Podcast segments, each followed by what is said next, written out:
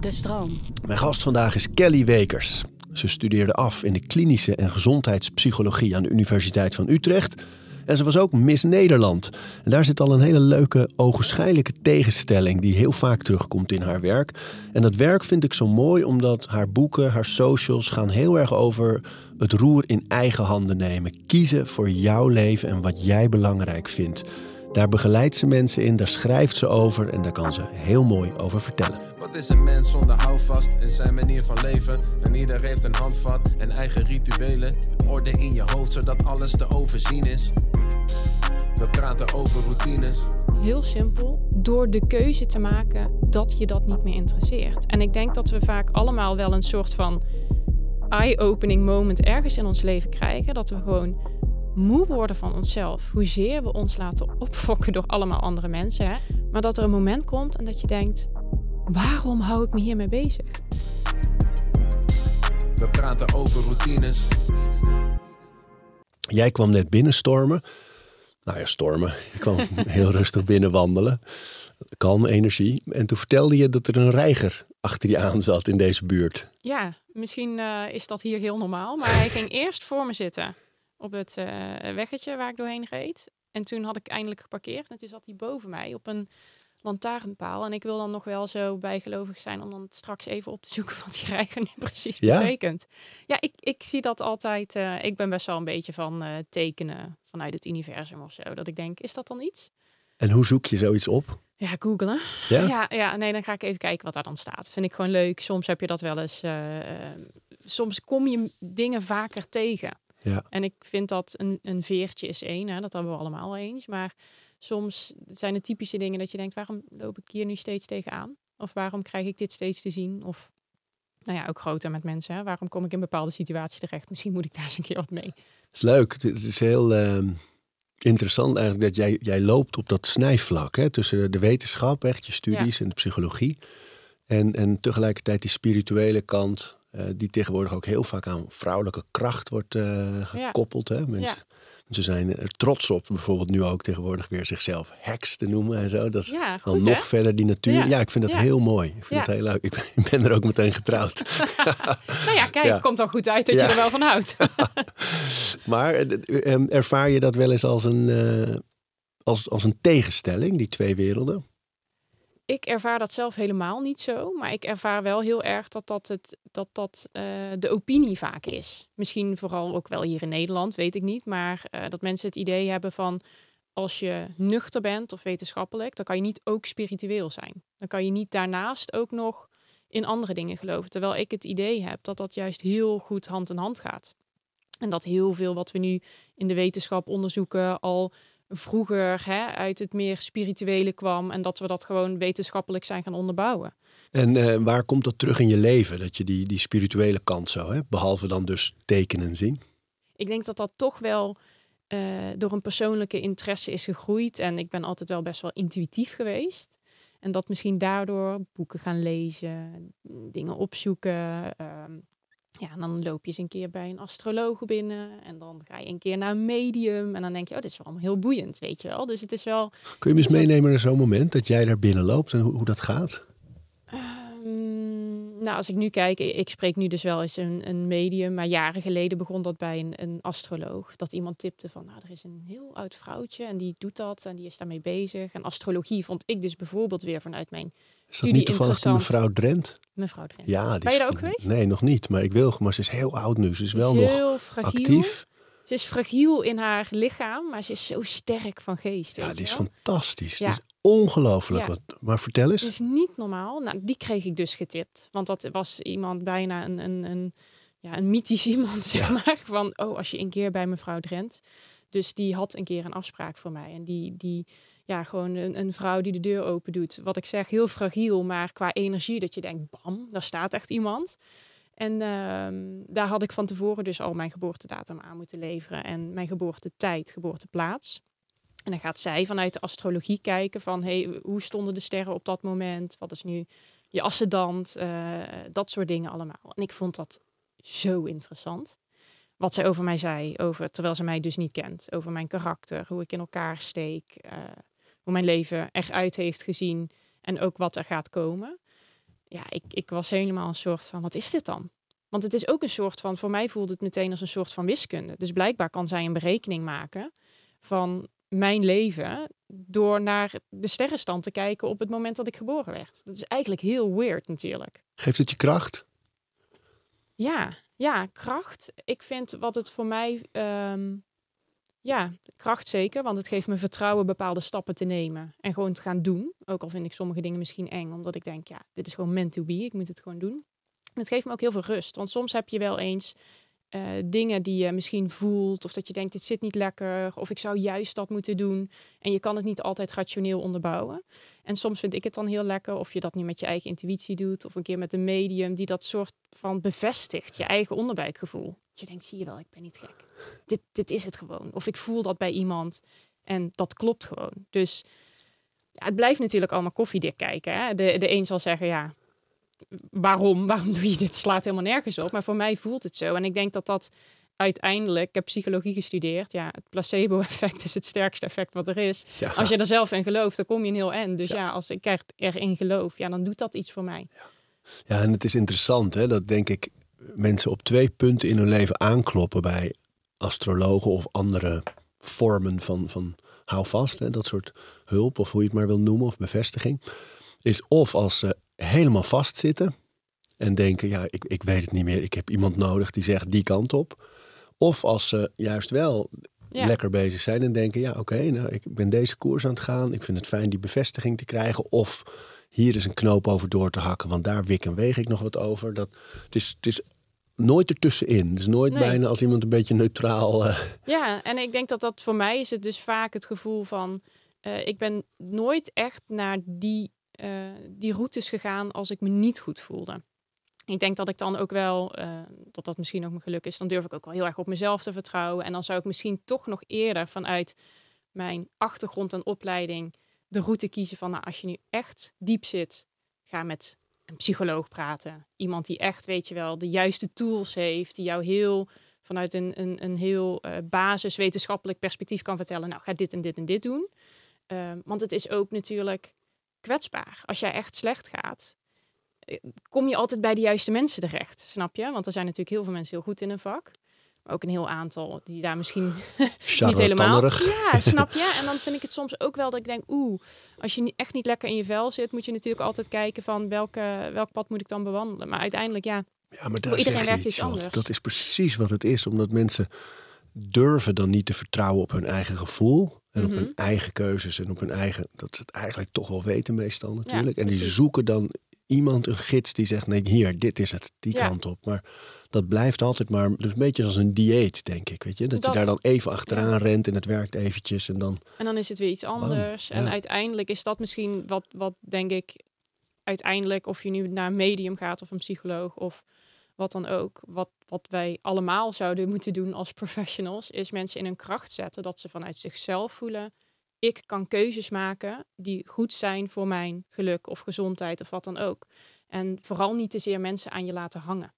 Ik denk dat dat, dat, dat altijd heel gevaarlijk is. Ja. En dat dat wel misschien te vaak nu gebeurt, omdat het ook een soort, ja, het is commercieel. Ja, en een guru-cultuur natuurlijk. Hè? Ja. ja. als iedereen maar aan mij hangt en alsof mensen, je, je haalt helemaal de regie bij hun weg, snap je? Dat zij zelf iets kunnen. Ik wil altijd heel graag dat mensen, uh, of ze nu iets van me lezen of een keertje bij me komen om iets te leren, dat ze denken, oh, je hebt me geleerd hoe ik het zelf kan doen. Ja, ja vind ik ook mooi in je boeken. Dat is in, allemaal benadruk je dat, maar zeker in die laatste, de kracht van keuze.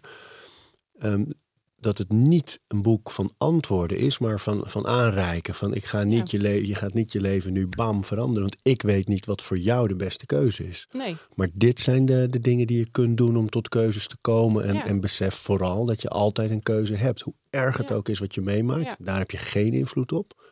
Je hebt wel invloed op wat je daarmee doet. Dat is een mooie boodschap. Ja, en ik denk dat dat het ook moet zijn, weet je. Want het, het is ook echt zo. Hoe jij je leven indeelt of hoe ik het doe, ja, dat kan totaal verschillend zijn. En nog steeds fantastisch voor ons individueel werken. Dus ik denk altijd dat uh, ja, de beste keuze, keuzes in het leven is gewoon door jezelf betere vragen te stellen. Ja. Hey, even, ehm, we hebben het vooral over routines, rituelen. In dit boek ook weer allerlei tips en tricks. Je hebt een prachtig heel leuk boek ook geschreven met allerlei life hacks. Ja. Daar zou ik er een paar van willen horen. En eigenlijk jouw genre dat je aan het bouwen bent, gaat heel erg over zelf de regie in, je handen nemen. Ja. Je niet te veel aantrekken van verwachtingen van derden, van meningen van derden. Koers durven houden. Heel hard werken voor waar je in gelooft, maar vooral durven kiezen. Hè? Ja, ik denk dat dat uiteindelijk eh, het grote geluk misschien wel oplevert. Heel veel mensen denken met hoe meer ik ja zeg en hoe meer ik maar ga, hè, meer, meer, meer, dat is meer geluk. En ik geloof heel erg in juist met nee zeggen en durven te kiezen. En een aantal dingen waar je gewoon echt blij van wordt, dat gaan doen. Dat daar en meer rust zit en veel meer voldoening, weet je. En, en plezier in alles wat je doet. Hoe ga je om met nee zeggen? Dus eh, alle verzoeken die ongetwijfeld binnenkomen, hoe eh, heb je daar een vaste vorm voor? tegenwoordig heel makkelijk. Maar ik was echt vroeger een totale pleaser. Dus ik kon daar dus helemaal niet mee omgaan. Ik zeg gewoon overal ja op. Dat was eigenlijk de conclusie van het verhaal. Dus ik, eh, zowel zakelijk als privé, was ik altijd druk. Altijd bezig, altijd aan het rennen voor anderen. Maar dus ook zakelijk. Ik dacht, nou, ik doe gewoon heel veel en dan zal dat uiteindelijk wel heel veel opleveren. En einde jaar ben je gewoon een soort van kapot, opgebrand. En denk je, wat, wat ben ik nou continu aan het doen? Maar ik vond dat gewoon heel erg lastig. Want ik had heel erg het gevoel van, ja, wat vinden mensen dan van mij als ik nee zeg? Of stoot ik niet iemand voor het hoofd? Of ik kan dat toch wel even doen? Ehm, en toen dacht ik, ja, dit is gewoon echt een patroon voor mij. Wat ik eigenlijk ook een beetje in het boek uitleg van dat je jezelf eens even goed in de spiegel gaat aankijken en denkt, ja, dit is gewoon een soort van dingetje waar ik gewoon eens iets mee moet. Leer gewoon eens nee zeggen. En ik ben dat eigenlijk met, met tussenstapjes gaan doen. Dus wat ik zelf een enorme eye-opener vond, wat totaal logisch is, maar wat ik me nooit had gerealiseerd, is als iemand je een vraag stelt, of dat nu een familielid is of juist zakelijk een verzoek, je hoeft niet meteen antwoord te geven. Zo, dat is al een game changer, hè? Je hoeft niet meteen te zeggen ja is goed, of dan kan ik, of ik doe mee, of wat dan ook. Want je mag op dat moment zeggen, ik denk er even over na, ik kom erop terug. En ik, als iemand die het heel spannend vond om nee te zeggen, terwijl ik misschien al wist dat ik eigenlijk nee wilde zeggen, maar dat gewoon nog niet kon in het moment, puur door mezelf, met mezelf af te spreken, misschien bijna een routinetje. Elke keer als je een verzoek krijgt, dan ga je gewoon zeggen, ik denk er even over na, ik kom erop terug. Creëerde ik voor mezelf zeg maar die ruimte om mijn agenda meer te gaan bepalen en te gaan kijken wat wil ik nu echt doen, waar krijg ik nu energie van. En dat heeft wel veel veranderd. Ja, mooi.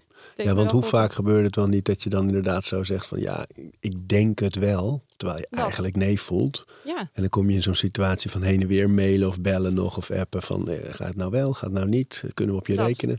Allemaal tijd, allemaal ruis, zit allemaal in je hoofd. Ja, ja, en ik denk dat dat, door dat eerst op die manier aan te gaan pakken en dat ik merkte hoeveel rust me dat gaf en hoeveel structuur er weer terugkwam in mijn leven en dat ik gewoon meer energie kreeg als ik naar mijn agenda keek. Dat ik gewoon dacht, oh ja, ik heb zin in deze week, ik heb leuke dingen staan, weet je wel, of met, met mensen waar ik energie van krijg.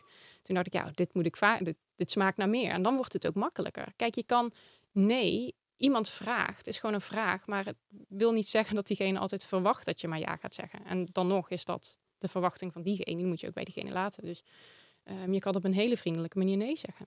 Weet je, als ik zeg, ja, ik krijg elke dag, het is gewoon zo, elke dag krijg ik zoveel verzoeken.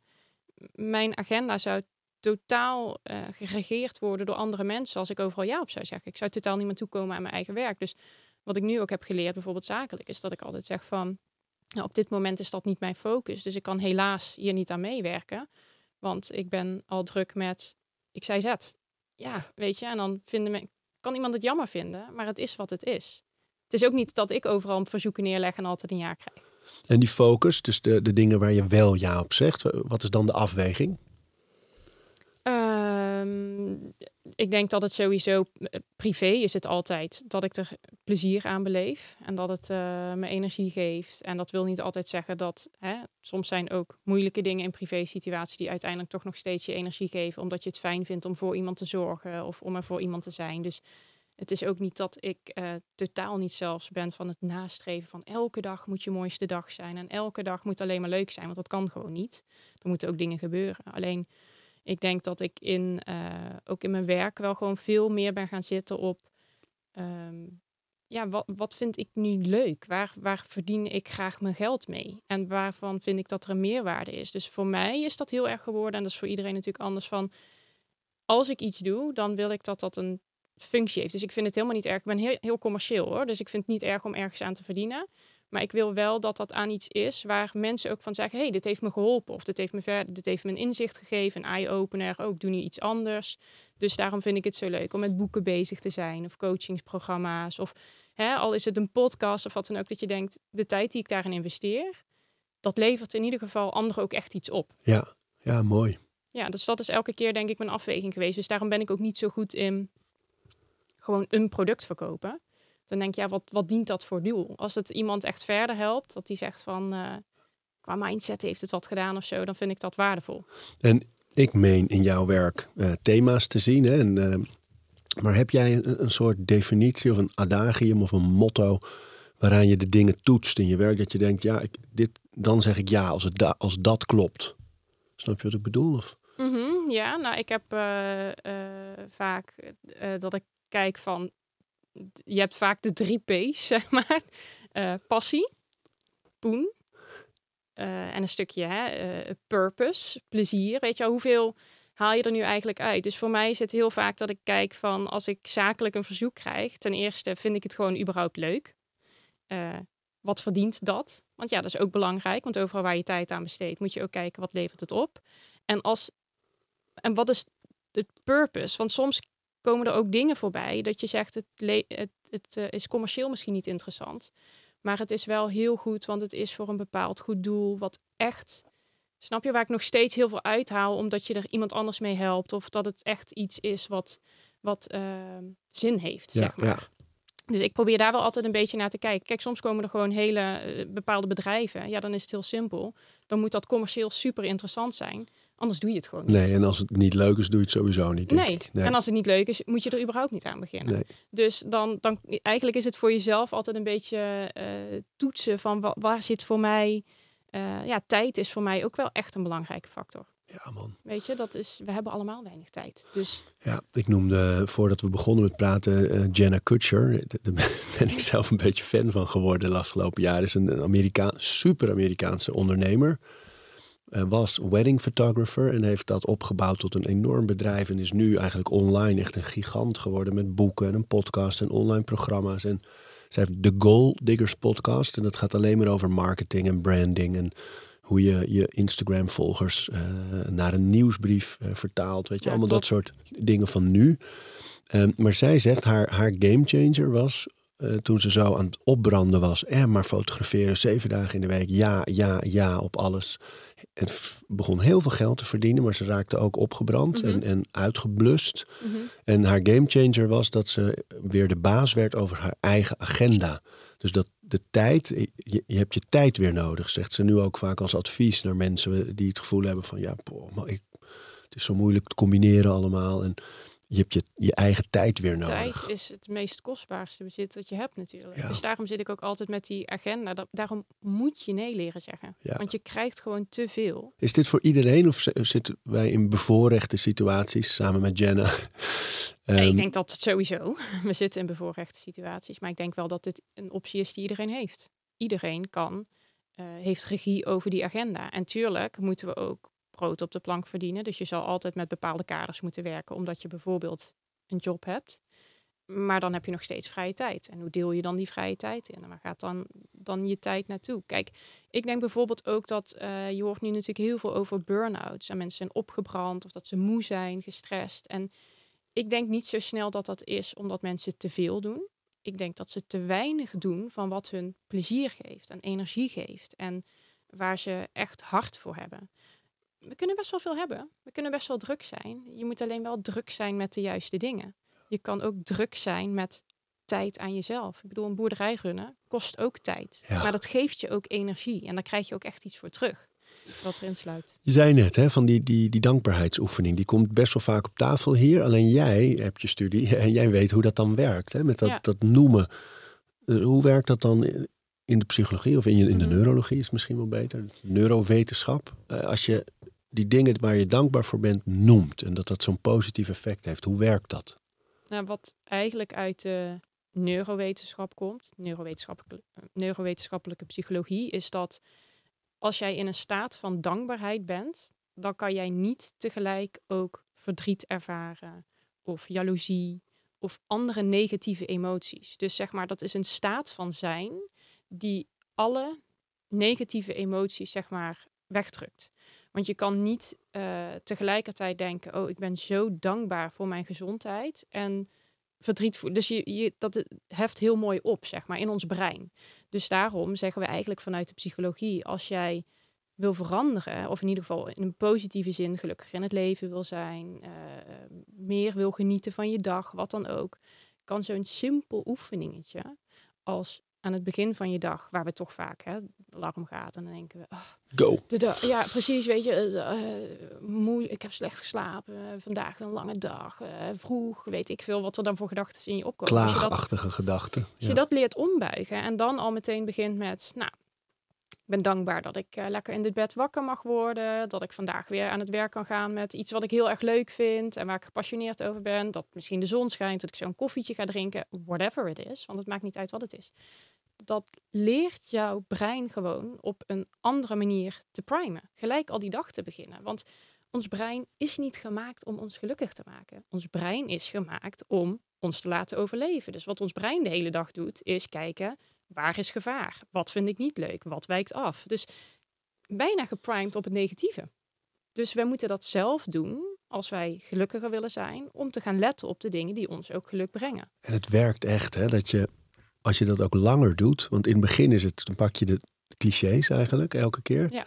Denk je, nou, gewoon de, de logische dingen. Stel dat je kinderen hebt, dan zitten die er altijd bij. En stel dat je fijn woont, dan is dat het. Of uh, nou de clichés. Mm Ehm, maar op het moment dat het een oefening wordt die je dagelijks doet, dan ga je het gedurende de dag ook al denken: uh, oh, dit is iets. Of dat is. Ja. Je gaat echt opmerken. Ja, de zon op je gezicht bij het verkeerslicht. Of uh, ja.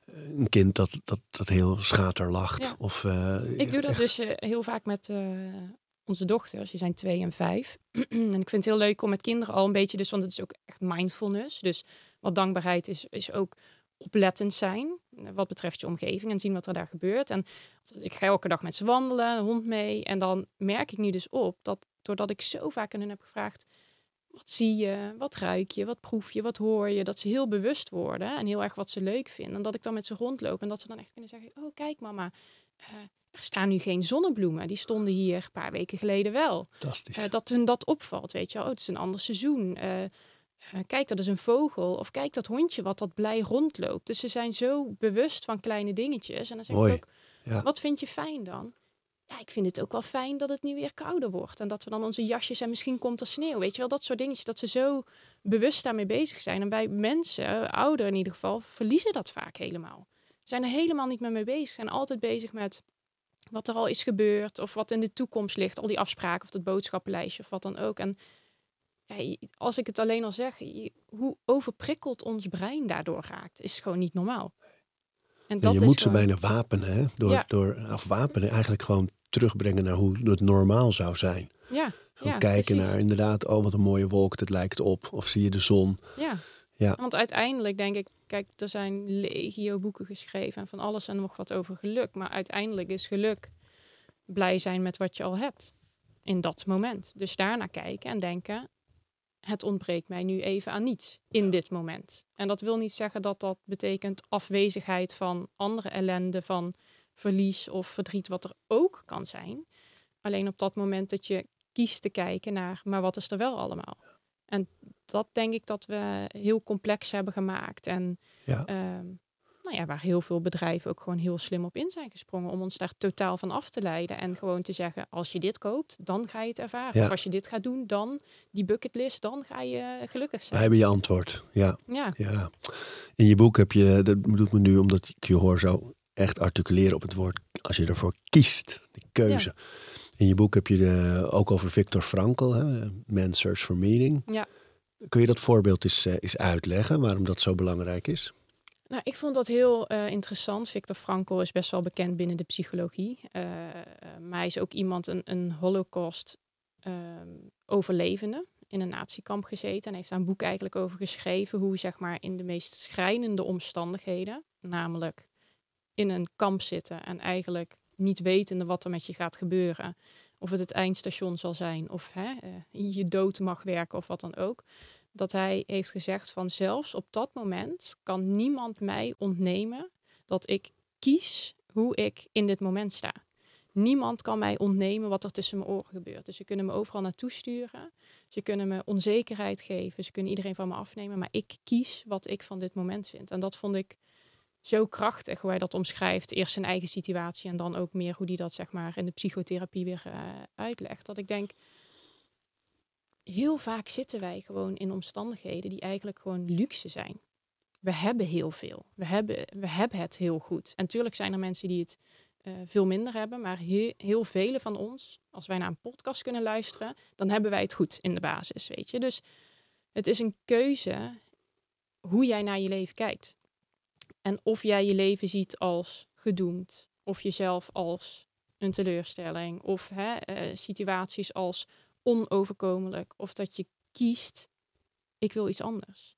Ik kies om mijn leven een andere richting te geven. Ik kies ervoor om, om op dit moment te kiezen voor dankbaarheid. Ik, dat zijn allemaal keuzes die je elke dag maakt. En uiteindelijk uh, heb je er vooral jezelf mee om op een bepaalde manier in het leven te staan. Want het leven is oneerlijk.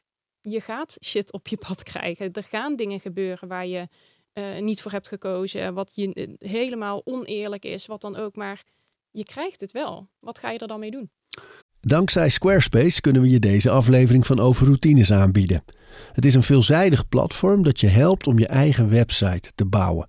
Of je nou je producten of diensten wilt verkopen of je kunst wilt delen met de wereld. Hier een paar handige functies van het platform. Met de verschillende ontwerpmogelijkheden kan je eenvoudig een website maken die past bij jouw stijl en behoeften. Je hebt geen technische kennis nodig om je website te beheren of om te herschikken of inhoud toe te voegen. Ook kan je met Squarespace allerlei services koppelen aan je website, zoals je social media of e-mailmarketing en betaalsystemen. Zo kan je de mogelijkheden van je website nog veel verder uitbreiden. Je kan het nu uitproberen door de gratis proefperiode via squarespace.com/overroutines. En ben je klaar om je website te lanceren? Gebruik dan de code OVERROUTINES, dan krijg je 10% korting op je eerste aankoop van een website of domein.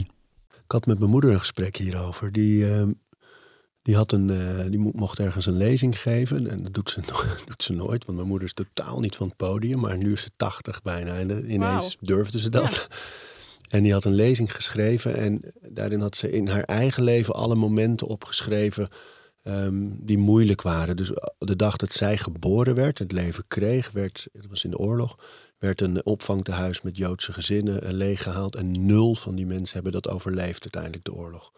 Um, de watersnoodramp. Zij waren net verhuisd naar een ander Zeeuws eiland. Nog steeds was hun huis onder water, maar in hun oude wijk waren een aantal gezinnen die ze goed kenden omgekomen. En zo had ze een hele reeks, en mijn broers en broer naar de gevangenis. En, en gewoon best wel stevige teleurstellingen en, en klappen in het leven. Um, maar dan elke keer inderdaad wel weer ging het over: is het leven een opgave? Ga je het leven als opgave zien? Als oh, dit overkomt me allemaal. Of is het toch iets dat je gegeven is en waar je zelf iets mee, uh, mee kan doen? En die vraag, ik, ik, sommige van die voorbeelden kende ik niet eens. Maar dacht ik ineens, oh ja, wat, wat mooi eigenlijk dat je dan toch door best wel moeilijke momenten elke keer ook beseft van ja, soms gebeuren verschrikkelijke dingen in het leven met anderen of met jezelf. Maar elke keer is het toch weer vooruitkijken ja. en door. En, uh, ja, en hoe ga je daarmee om? Die, die is zo belangrijk. Hè? Dat is het denk ik uiteindelijk. Je, je kan niet altijd kiezen wat er op je pad komt. Dat is evident, dat weten we. Um, maar je kan wel kiezen hoe je ermee omgaat. En dat wil niet zeggen dat het soms moeilijk is. En zeker wat je zegt over je moeder. Dan maak je echt shit mee. Ja, vader overleden vroeg, weet je. Dat, ja. allemaal.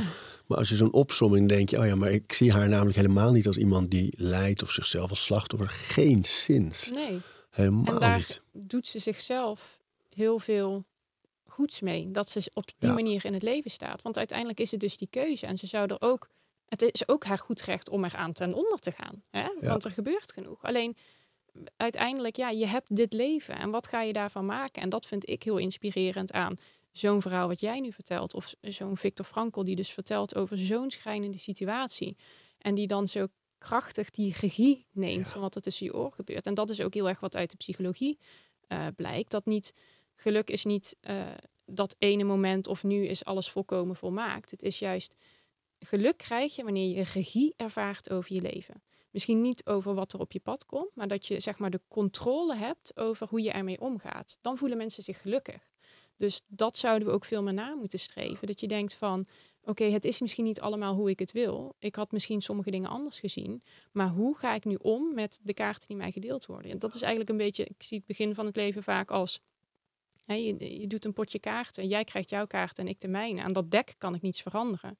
Maar ik kan wel het spel beïnvloeden. Hoe ga ik, weet je, hoe, welke leg ik als eerste neer en dan? Ja, En ja je hebt geen is- invloed op wat, wat er met je gebeurt en wat er in je leven, maar je hebt alle invloed op wat je daarmee doet en hoe Ja. je daarmee omgaat. En dat blijft dat dan inderdaad de een begint op een andere plek. Ja, En die krijgt betere kaarten gedeeld.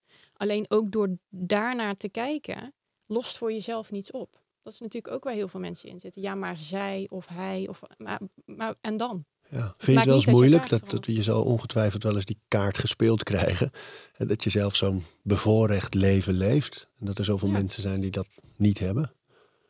Ja, ik vind dat niet moeilijk dat ik die, dat ik die krijg, want het is ook zo. Hè? Eh, ik ben privileged, ik ben een eh, witte vrouw in de westerse wereld. Mijn wiegje heeft op een eh, prima plek gestaan. We hebben allemaal dat eigen unieke leven. Wat ga je ermee doen? En ik denk dat daar, als je daar rust in vindt, van dit is voor mij. Hè? Dat is ook heel vaak met mensen die, die shit meemaken in hun jeugd of echt hè, trauma's. Dat het is nu eenmaal wat bij jou hoort. En dat vond ik ook altijd wel boeiend. Ik heb een opleiding ook gevolgd van Tony Robbins. Die zegt, je kan iets zien, bijvoorbeeld wat je hebt meegemaakt als burden. Zo van, en daardoor lukt het mij niet om. En daardoor zal ik nooit dit. En daardoor heb ik altijd last van dat. Of je kan bepaalde mensen danken in je leven die het je zwaar hebben gemaakt. Of bepaalde situaties op je pad zijn gekomen. En denken, maar daardoor ben ik veerkrachtig geworden. En daardoor zet ik de schouders ergens onder. Iemand die misschien nooit iets heeft meegemaakt. Ja, die, die één zuchtje wint en die valt om. Ja. Terwijl de mensen die vaak shit hebben meegemaakt, ook degene Ja. zijn die echt stevig staan. En Ja, je van, wil het niet, maar je kan er zoveel mee. Hè? Het is ook helemaal een stroming. Hè? Inderdaad, Tony Robbins heeft het er al eh, generaties lang over, voor mijn gevoel. Eh, dan heb je, je hebt een hele mooie quote, eh, die, die wordt ook veel onder filmpjes gezet van Jocko. Dat, is, de, dat heet Good. Dan, zegt hij, dan komt iemand bij hem en die zegt, ja, in het leger nog, van eh, we hebben het materiaal niet gekregen en eh, hoe moeten we dit nou gaan oplossen? En dan zegt hij, we hebben het materiaal niet gekregen? Good. En zo gaat elke keer. Oh, je hebt die baan niet gekregen? Good. Eh, het geld is niet binnengekomen? Good. Je hebt een blessure, dus Ja. je kan dit niet? Good. Maar meer om die jongen te laten inzien van oké, en nu? Maar dat is dus een keuze. Ja. Dus een keuze op dat moment te denken, prima. Weet Ja. je wel? Ik- Dat, bij mij zit dat al dat- heel erg in mij. En dat is wat ik ook meer mensen zou gunnen. Dat als ik, tuurlijk krijg ik op dagelijkse basis afwijzing of tegenslag. Of wat, als je iets in je leven wil doen of bereiken of wat dan ook, dan krijg je tegenwind. Altijd. Op dat moment te denken, niet van, oh, dus dat is het niet, dus het gaat niet meer lukken. Te denken, oh, dit maakt juist dat mijn vuurtje nog meer aangewakkerd wordt. Want ik maar hoe werkt wel- dat? Want ik zie je nu, je hebt de keuze gemaakt om eh, internationaal te gaan. Hè? En ook op, op je socials, eh, die zijn nu helemaal in het Engels. En je Ja. was in L.A., eh, je stuurde bloemen naar, hoe heet ze, van de Kardashians, de, de, moeder. Jenner, ja. Chris, eh, Chris Jenner. ehm, die ook reageerde en die het in haar story zette. Ja, te je boek en de, en de tulpen. En de tulpen, de Nederlandse tulpen, ja. Maar ik zie ook in jouw eigen toon en de quotes die je plaatst, zie ik antwoorden op haters of eh, mensen die er iets van vinden, laat ik het zo zeggen. Ja. Van nee jongens, je kan er van alles van vinden. Dit is mijn koers. Eh, en daarin geef je eigenlijk heel veel mensen ook de ruimte om ook te denken van je moet doen wat, wat je voelt en wat je wil. En mensen gaan daar iets van vinden. Fuck Ja. it. Ja, dat. Maar hoe kom je daar? Ik denk dus echt heel simpel door de keuze te maken dat je dat niet meer interesseert. En ik denk dat we vaak allemaal wel een soort van eye-opening moment ergens in ons leven krijgen. Dat we gewoon moe worden van onszelf. Hoezeer we ons laten opfokken door allemaal andere mensen. Hè? En of dat nu de massa is van een social media account of eh, je schoonmoeder of eh, die zus die je helemaal gek maakt, whatever. Maar dat er een moment komt en dat je denkt, waarom hou ik me hiermee bezig? Wie, wie is die persoon voor mij en waarom moet ik me daar zo druk over maken? Want je kan daar nog honderden uren aan besteden en daar alles van vinden, maar wat heb je eraan? En dat is een beetje waarom dat ik daar ook heel veel over deel, omdat tuurlijk kom ik dat in mijn leven tegen van meningen van anderen, maar ik weet ook dat dit zo erg speelt bij anderen en dat anderen juist door mij dingen te zien doen. En ook dingen die ik al deel, waarvan ik weet, ja, misschien ga ik straks al keihard op mijn bek. Maar ik deel het wel, zodat het maakt niet uit wat het resultaat is. En het maakt niet uit wat een ander vindt van jouw keuzes in de liefde of in, in je carrière of hoe jij vriendschappen inricht of hoe je je tijd wil indelen. Het gaat om jou, waar jij enthousiast van wordt. En ik, ja, ik denk wel dat veel mensen dat lastig vinden, maar uiteindelijk is het gewoon die beslissing. Voor mij was het zelf, dat heb ik ook in het boek beschreven, een moment toen ik nog modellenwerk deed. En helemaal, ik, ik was al gewoon een soort van timide kind en een pleaser. En ik had wel zelfvertrouwen, maar toen ging ik modellenwerk doen en ik kreeg alleen maar elke dag kritiek op. Je bent te lang, je bent te kort, je bent te dik, je bent te dun, je bent uh, niet symmetrisch, uh, lelijk. Vinden we, zijn we niet naar op zoek. Dus alleen maar die negatieve prikkels. En op een gegeven moment ging ik daar zo naar luisteren. Dat ik alleen maar ook tegen mezelf vertelde wat ik allemaal niet had en wat niet goed was. En dan merk je dus, als je, hoeveel zelfvertrouwen je ook hebt, dat hadden mijn ouders best wel goed in mij geïnstalleerd. Dat als je maar gaat luisteren naar al die stemmetjes, wie dat ook is, die jou vertellen dat je niet goed genoeg bent of niet mooi of whatever, dan ga je dat vanzelf geloven. Je brein ja, gaat gewoon geloven wat je het vertelt. Dus ik weet nog dat ik daar zo'n eye-opening moment had dat ik bij een casting was en een minuscuul broekje aangereikt kreeg, want het was van mega grote um, modehuis. En dat ik dat nou, totaal, ik probeerde het aan te trekken. Ik kreeg het al niet over mijn knieën laat staan dat ik het helemaal aankreeg. En dat ik dan dus maar een andere outfit vroeg. En daar al heel geïrriteerd op gereageerd werd. Nou, ik in, vervolgens in die outfit naar de casting director. En dat zij me echt aankeek, zo vies, weet je wel. En zei van, what size are you? Dus voordat ik kon antwoorden 36, want ik was echt wel petit. Dat ze echt zei, thank you, next. Dus ze was echt zo van zo afkeurend. En voor mij was dat zo'n moment. Het was natuurlijk de zoveelste next die ik had gehoord. Dat ik dacht, nou, dit is echt de laatste keer dat ik iemand laat vertellen wanneer ik het waard ben in zo'n wereld. Toch ben je daarna nog die missenwereld ingegaan. Nee, dit was al. Uh, dit was, was daarna? na. Ja. Oké, want je was al aan het studeren toen je die Miss, uh, Miss Nederland ja, toen, werd. Toen had ik net mijn bachelor afgerond. Ah. Dus ik deed dat modellenwerk altijd een beetje on the side, zeg maar. En uh, toen werd ik Miss Nederland en toen dacht ik, nou ja, misschien is dit dan het moment, omdat mensen dat al zo vaak hadden gezegd, ga dat nou fulltime doen, want dan kun je er iets in bereiken. Ik was elke keer na, kan dan niet, ik heb een tentamen of wat dan ook. Ik denk, oké, ik ga één jaar volle bak aan de slag en dan ga ik ook kijken, misschien wordt het wel iets. Dus uh, dit was eigenlijk aan het einde van, van dat jaar dat ik echt helemaal mezelf uh, tot niks had gemaakt. En ik had ineens geen stem meer en ik was helemaal niet meer bezig. Mijn dagen waren gewoon gevuld met iets waar ik geen energie van kreeg. Dus dan ervaar je eigenlijk wat dat dus doet. En ja, ik heb daar zelf gewoon dingen moeten ontdekken. Dat ik, ik deed dat ook heel erg, dat hele modellenwerk aan de enerzijds vond ik het wel leuk. Het was leuker als bijbaan, leuker dan een, een uh, krantenwijk.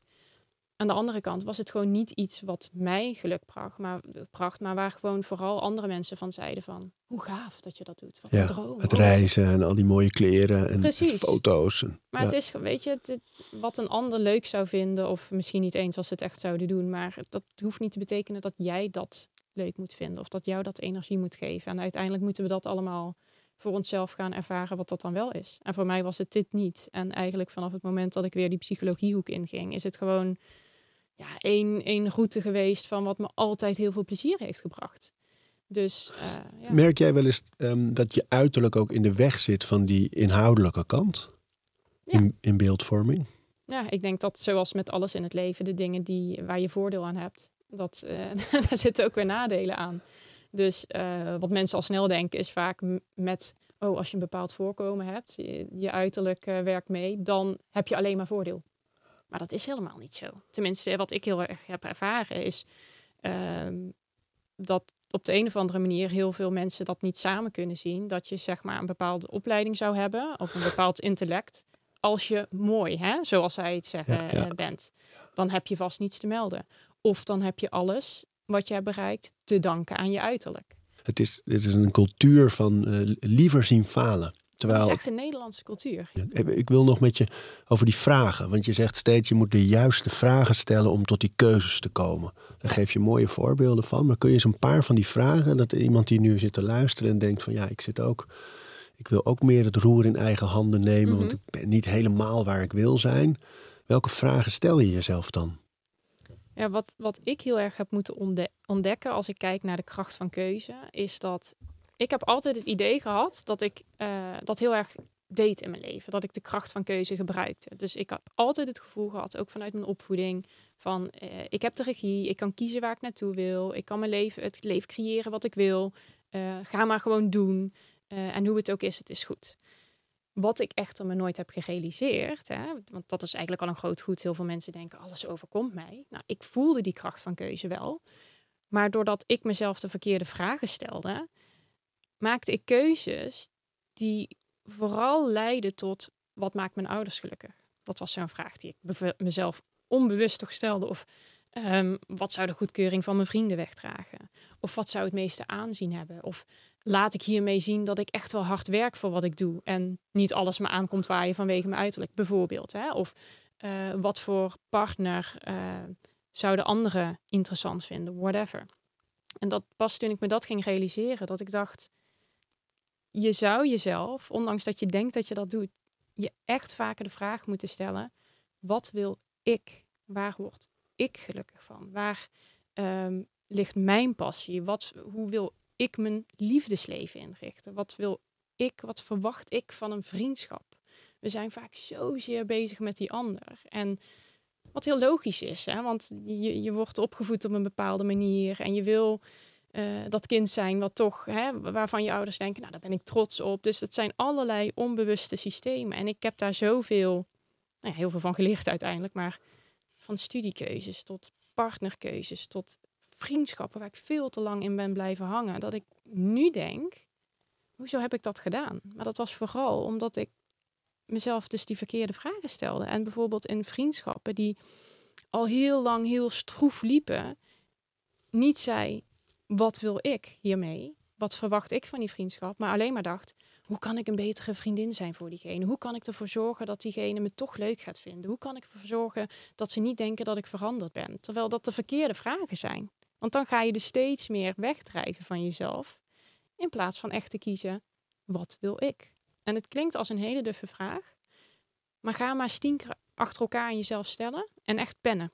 En dan ga je soms echt verbaasd zijn wat je allemaal op gaat schrijven. Je schrijft echt met de hand gewoon dan op Ja. wat het antwoord is, Ja. wat wil ik. nu, nu, kijk, voor mij is het zo mijn natuur geworden. Dus ik doe het heel vaak door de dag heen. En of het nu met een verzoek is wat ik krijg of wat dan ook, dan, dan ga ik al automatisch die juiste vragen stellen. Maar in het begin, als je daarmee start en je denkt van, ik voel gewoon in mijn leven dat er bepaalde stukjes zijn. Hè, of dat nu, want ik heb natuurlijk verschillende hoofdstukken in mijn boek, of dat nou liefde is of vriendschap of carrièregebied. Ik wil daar gaan eiken. Dan denk ik dat het heel fijn is als je echt gaat pennen. Ja, dat je- is hoe het boek, is opgebouwd. Hè? Je gaat eigenlijk al die grote thema's in de levens Ja. eh, langs. En dan elke keer wat zijn de keuzes en de vragen. Nou, de keuzes benoem je natuurlijk niet. Maar de- wat zijn de vragen die je zelf kunt stellen om in dat veld, in de liefde, Ja. in je carrière, in relaties. In, Ouderschap, weet je, waar- ouderschap. Waar, hebben mensen wel niet allemaal meningen over? Ja.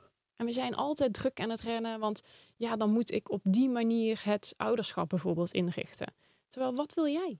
Hoe wil jij het aanpakken? Er zijn zoveel mogelijkheden om een, een leven met heel veel voldoening te leiden. En dat ik zie mensen die doen dingen op een bepaalde manier en denk, ja, not for me. Maar dat hoeft ook niet, want het is niet mijn leven. Dus ik denk echt, hè, we- het klinkt als zo'n simpele vraag, wat wil ik?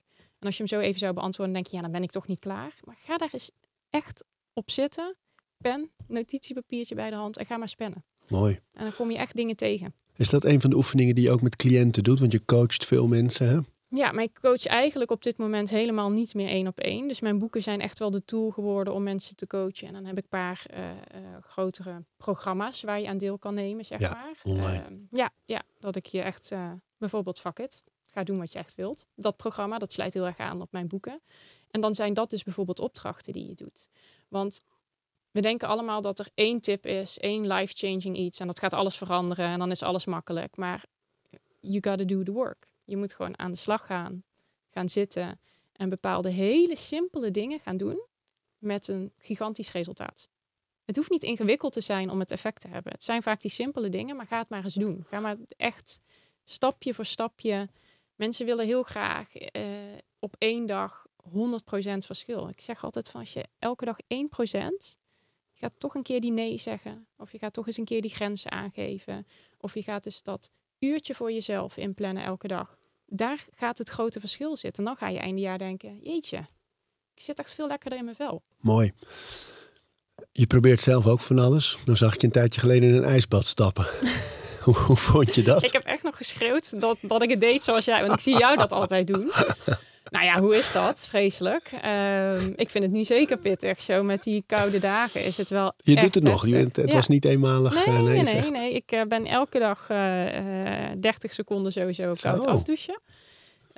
Ja, wij hadden het er net al even over, over de nieuwe serie, serie van Chris Hemsworth. Ja, man. Limitless, heel goed. Limitless. Ja, dan dat gaat gaat helemaal over longevity. Ja, Alle dingen waarvan gezegd wordt, dit eh, verlengt je leven, maar dan ook op een duurzame manier. Ja. Dus niet alleen maar wat ouder worden, maar gewoon Ja. echt goed ouder Ja. worden.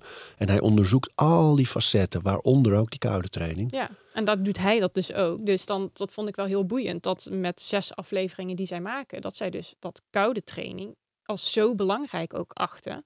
Om dus gezond oud te worden. Dus dat zijn van die routinetjes. Dat ik denk, ja, ik haat kou. Vind ik vreselijk. maar ik vind het ook vreselijk als ik vind dat ik iets niet kan. Of iets mij niet lukt. Dan denk ik, ja, dan wil ik dat dus juist proberen. En dat was dat ik had gewoon heel veel eh, negatieve associaties met koud douchen en een koud bad. En toen dacht ik, het is ook gewoon klaar. Ik ga gewoon die Wim Hof eh, app downloaden. Ik ga gewoon, eh, geloof ik, is dat een 20-daagse challenge. Ja. Je gaat het gewoon doen.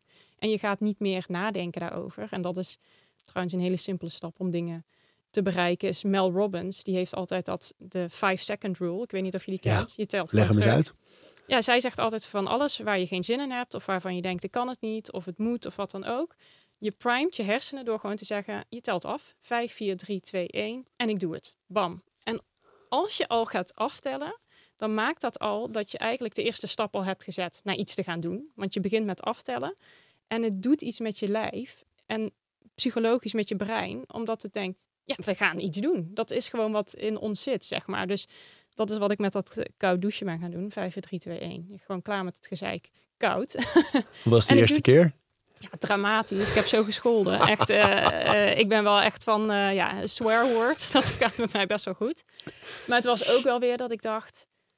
Ik kreeg daarna zo'n boost van energie en juist warmte. Terwijl ik echt een koukleun ben. Dus ook zeker die wintermaanden kan ik het ontzettend koud hebben.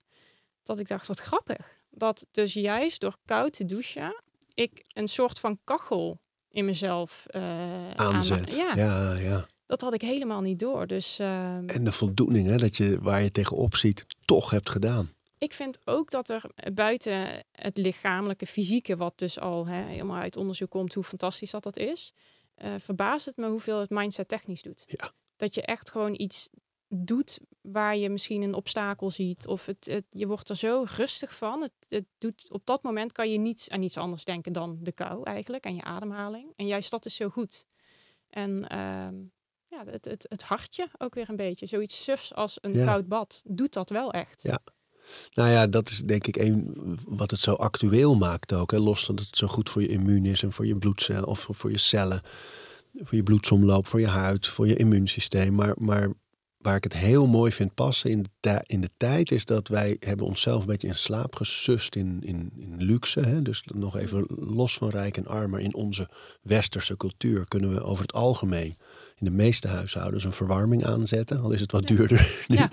Eh, we kunnen gordijnen dicht doen als, het, als, het, als we niet tegen licht willen. We, we hebben, we hebben, overal hebben we iets voor. En we zijn inderdaad helemaal niet meer gewend aan zelf eh, iets ervaren. Of het koud hebben of eh, ongemak opzoeken. Dus dat moet je dan een beetje creëren als je dat karakter wil eh, houden. Maar alleen de vraag daarachter is natuurlijk altijd waarom? Ja. Waarom zou je jezelf willen onderwerpen aan, dat, aan het ijsbad? Jij zegt, ik, ik zag er tegenop, ik was er bang voor. En dat was juist de reden om het te doen. Ja, voor mij was sowieso dit jaar een beetje zo. Hè? En dan voelt een ijsbad gelijk heel groot. Terwijl dat het ook niet is natuurlijk. Het is niet eh, gehard door de strijd. Maar dit jaar was voor mij een beetje... ga uit je comfortzone. Dus hetzelfde als... ga dat boek uitgeven in Amerika. Ga het gewoon proberen, weet je wel. Ga gewoon Engels lullen op je social. Tuurlijk maak je fouten. Tuurlijk gaan mensen kritiek leveren. Tuurlijk gaan ze daar wat van vinden. Maar who cares? Ga gewoon lekker doen waar je zin in hebt. Dat is uiteindelijk is het voor mij ook practice what you preach. Ja, ik zeg kies voor je geluk. ga het ook vooral zelf doen. En dat was dat ijsbad, dat was wel gewoon iets wat ik, ja, ik, ik vind het leuk om wetenschappelijk onderzoek te volgen, weet je wel. En ik, zie jou het doen, ik zie andere mensen het doen. En dan denk ik, wat een onzin dat jij inderdaad met, met je luxe kont niet in een ijsbad kan gaan zitten. En dat dat dan zo'n obstakel is in je leven. Ga dat gewoon doen, weet je. Omdat je weet wat het fysiek doet. Omdat je weet wat het voor je, je focus doet en je ademhaling. En dat is eigenlijk meer waarvan ik dan denk van... in het moment beslis ik gewoon, bam, ik ga dat doen. En dat leert je gewoon precies wat je zegt. Uh, ruggengraat hebben. Gewoon dingen afmaken. Discipline. Ik denk dat dat het grootste probleem is voor de meeste mensen. We weten allemaal wel wat werkt en wat we zouden moeten doen. Maar we doen het niet, want we hebben er geen zin in. Nee, het vertaalt zich zo goed. Hè? Van, uh, inderdaad, als je zegt van oké, ik, ik, hou niet van kou en daarom ga ik het juist doen. Dat is ook dat lastige gesprek voeren met die collega. Of dat is ook uh, je stem verheffen in een vergadering waar je normaal gesproken wegduikt. Of het is de angel, al die... de angel eruit halen. Ja, ja. Niet, ik vind het irritant als andere mensen of zelfs ikzelf uh, mezelf in de regie kan pakken over iets. Dat vind ik gewoon onzin. Dan denk ik, ja, dan moet je daar gewoon doorheen. En dat is wat je zegt, dat lastige gesprek. Ik zeg ook heel vaak, uh, ook tegen ondernemers die je coach, maar uh, ook met lifehacks. Doe nu gewoon de moeilijke taak die je normaal altijd voor je uitschuift. Doe dat gewoon meteen in de ochtend. En tot slot, want je bent dan in, inderdaad overgegaan op het Engels. Je hebt je boek in Amerika uh, uitgegeven. En wat is de, nou uiteindelijk de reden dat je dat doet? Eigenlijk omdat ik gewoon met mijn werk, ik, ik ben van huis uit psycholoog. En ik vind dat uh, ik zeker niets nieuws verkondig. Maar ik vind wel dat ik een eigen manier heb om kennis aan de man te brengen. Waarvan ik denk dat dat niet alleen voor de Nederlander is. Um, inmiddels drie boeken geschreven. En dat waren allemaal wel aardige successen. Dat ik denk, ja, dit, er is meer dan Nederland. Ik zou het heel leuk vinden om die boodschap met meer mensen te kunnen delen. Dus ja, dan houdt het heel snel op als je Nederlands blijft kletsen. Dus dat was voor mij echt de stap om te zeggen: oké, ik ga naar het Engels en ik ga ook mijn boek in het Engels uitgeven.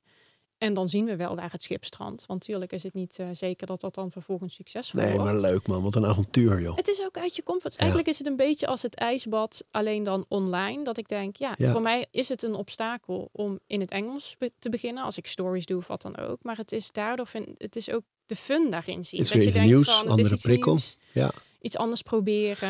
Ja, en er spreekt een lekkere, frisse ambitie uit. En dat vind ik mooi eraan. En dat je daar ook over durft te praten. En dat je ook gewoon zegt, nee, ik wil, eigenlijk zeg je, niet in die woorden, maar ik wil groter. Ik wil ja. meer mensen bereiken. Ik wil mijn platform vergroten. Heel verfrissend dat je dat doet, omdat mensen zich daar ook soms een beetje voor schamen. Hè?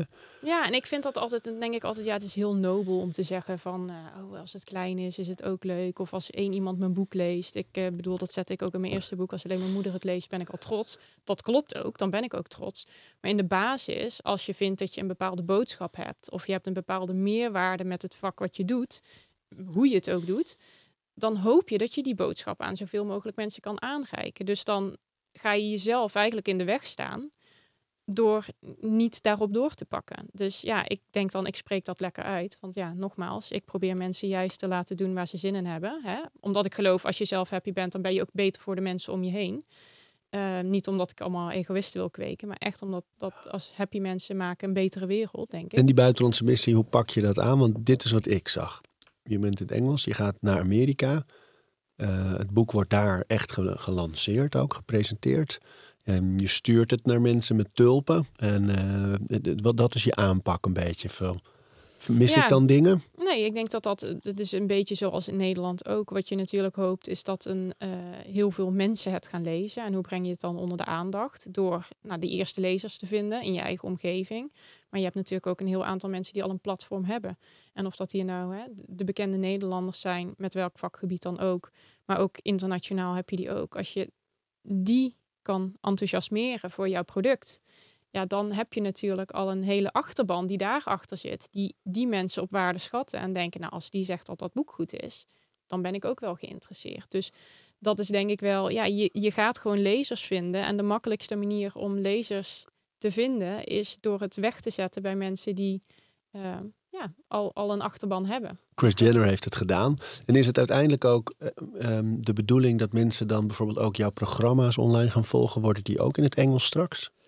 Misschien wel, ben ik nu nog niet mee bezig. Uh, het gaat eerst om het ik, boek en de autoriteit eigenlijk. Ja, ik zou het wel heel leuk vinden om voor mij voelen de boeken wel echt als een product op zich. Inmiddels, in het begin zei ik dat totaal niet, maar nu zie ik me inmiddels wel echt een beetje als een schrijfster. En dat ik me ook zou kunnen voorstellen dat ik meerdere boeken zou hebben.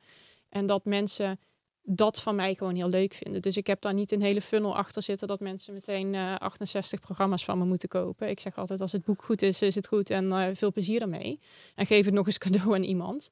Um, dus het is niet dat ik meteen denk dat, uh, dat het een heel, ja, een heel circus moet worden. Dat ik straks als Tony Robbins op allerlei events sta. Dat is ook helemaal niet mijn, idee, mijn ding. Dus um, ik zie dat is misschien ook een beetje mijn ondernemerschap en ook in het leven. Ik ben een beetje trial and error. Ik ga gewoon iets proberen. Ja. Ik haal me iets in mijn Mooi. hoofd. Dat vind ik leuk. Daar, daar word ik enthousiast van. Daar heb ik passie voor. En dan ga ik gewoon doen. En natuurlijk heb ik wel een stukje strategie.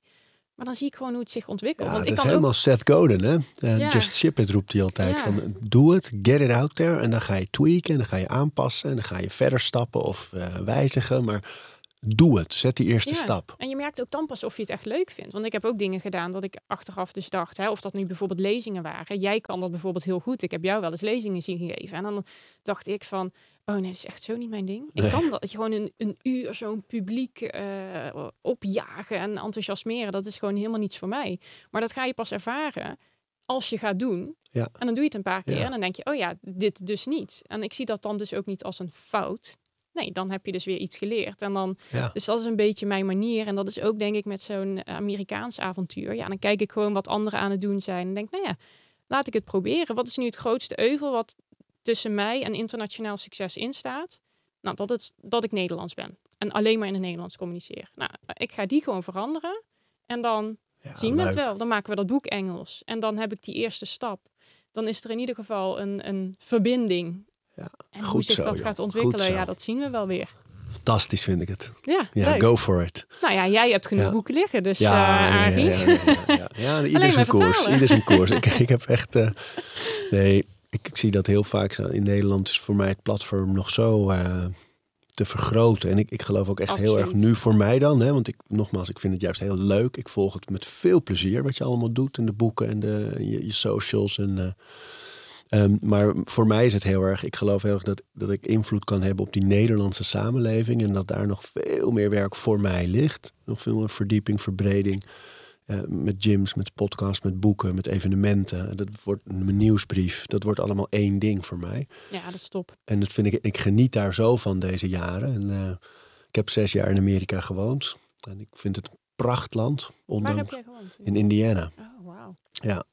En ik zie de, de schaduwkanten van Amerika ook. Maar ik, ik vind het een fantastische cultuur. Omdat het gaat over dromen, over gunnen, over vallen en opstaan. Over, Ja. en daardoor zijn de verschillen tussen rijk en arm veel te groot daar. Mhm. Maar er is wel, als je zoiets doet als wat jij nu aan het doen bent, dan gaan mensen voor je staan klappen en juichen en go for it. Ja, Kelly. dat is you go leuk. for it. Goed zo, dromen, doen.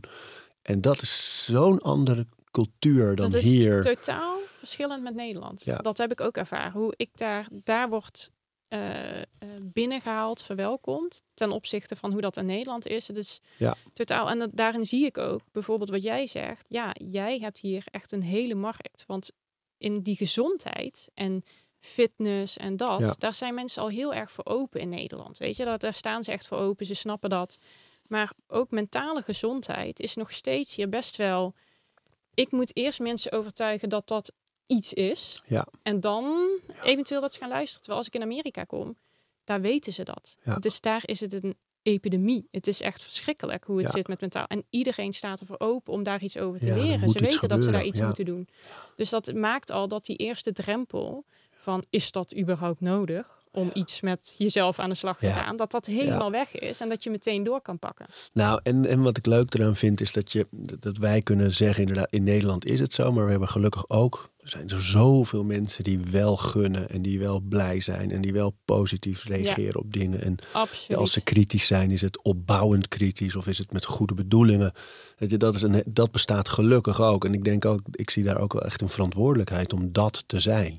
En Ja, niet mee te gaan in die andere cultuur van pijlen schieten. Het is, hier is het gewoon heel jammer dat degenen die negatief zijn, die kunnen gewoon heel hard roepen. En die krijgen heel veel podium eigenlijk.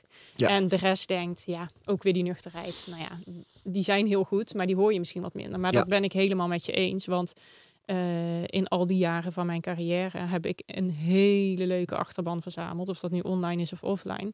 Die mega supportive zijn. En ook nu met uh, Amerika, die echt zeggen: hoe kan ik helpen? Ik ken nog mensen. In weet je wel, dus dat is dan wel Ja. dat ik denk: ja, dat vind ik wel heel leuk. Want dat is puur gunning. Want Ja. daar is niets voor hun bij, weet je. Dus dat is gewoon puur: ik vind het leuk om jou te zien slagen. Hoe kan ik je helpen? En dat is, vind ik wel een hele mooie eh, eh, mentaliteit. En daar zit ook een soort adagium, een soort motto in. Dat het geeft zoveel voldoening en vormen van geluk als je anderen helpt met hun ontwikkeling. Ja. Dat is echt heel mooi. Ja. Het allermooie. de- Ik denk dat ik daarom, en dat zal jij ook hebben, want dat is gewoon gemeenschappelijk aan ons vakgebied. Waarom krijg je er zoveel energie van? Omdat je dus dag in dag uit toch verhalen tot je krijgt. Dat iemand zegt, ja, je hebt het misschien niet door, maar dit heeft het voor mij gedaan. En dat is natuurlijk aan de ene kant ook mega ego wat dan spreekt. Want dat je, dat je denkt, Maar ook heel menselijk. maar ook heel Ja. menselijk. En dat je denkt, ik heb dan in ieder geval het gevoel dat ik iets nuttigs doe met mijn tijd. Dat mensen daar iets aan hebben, zeg maar. Ja, joh. Ja. Ja, Hey, we hadden het nu vooral over de kracht van keuze. Dat is je nieuwste boek in eigen beheer uitgegeven. Fantastisch. Heb je lekker naar jezelf toegetrokken. ja precies. Eh, het andere was natuurlijk Happy Life 365, Ja. die knallende bestseller. maar die en dan zit heb je die Happy Life Hacks mij. 365. Ja, ook dus internationaal? Die, eh, Happy Life, die, eh, ja, die, ga ik, die had ik zelf in beheer internationaal. Dus die komt volgend jaar in het Engels Goed zo. uit. Go for it, Ja, Kelly. we gaan ervoor. Dank dat je er was. Nou, hartelijk dank, vond het leuk. We praten over routines,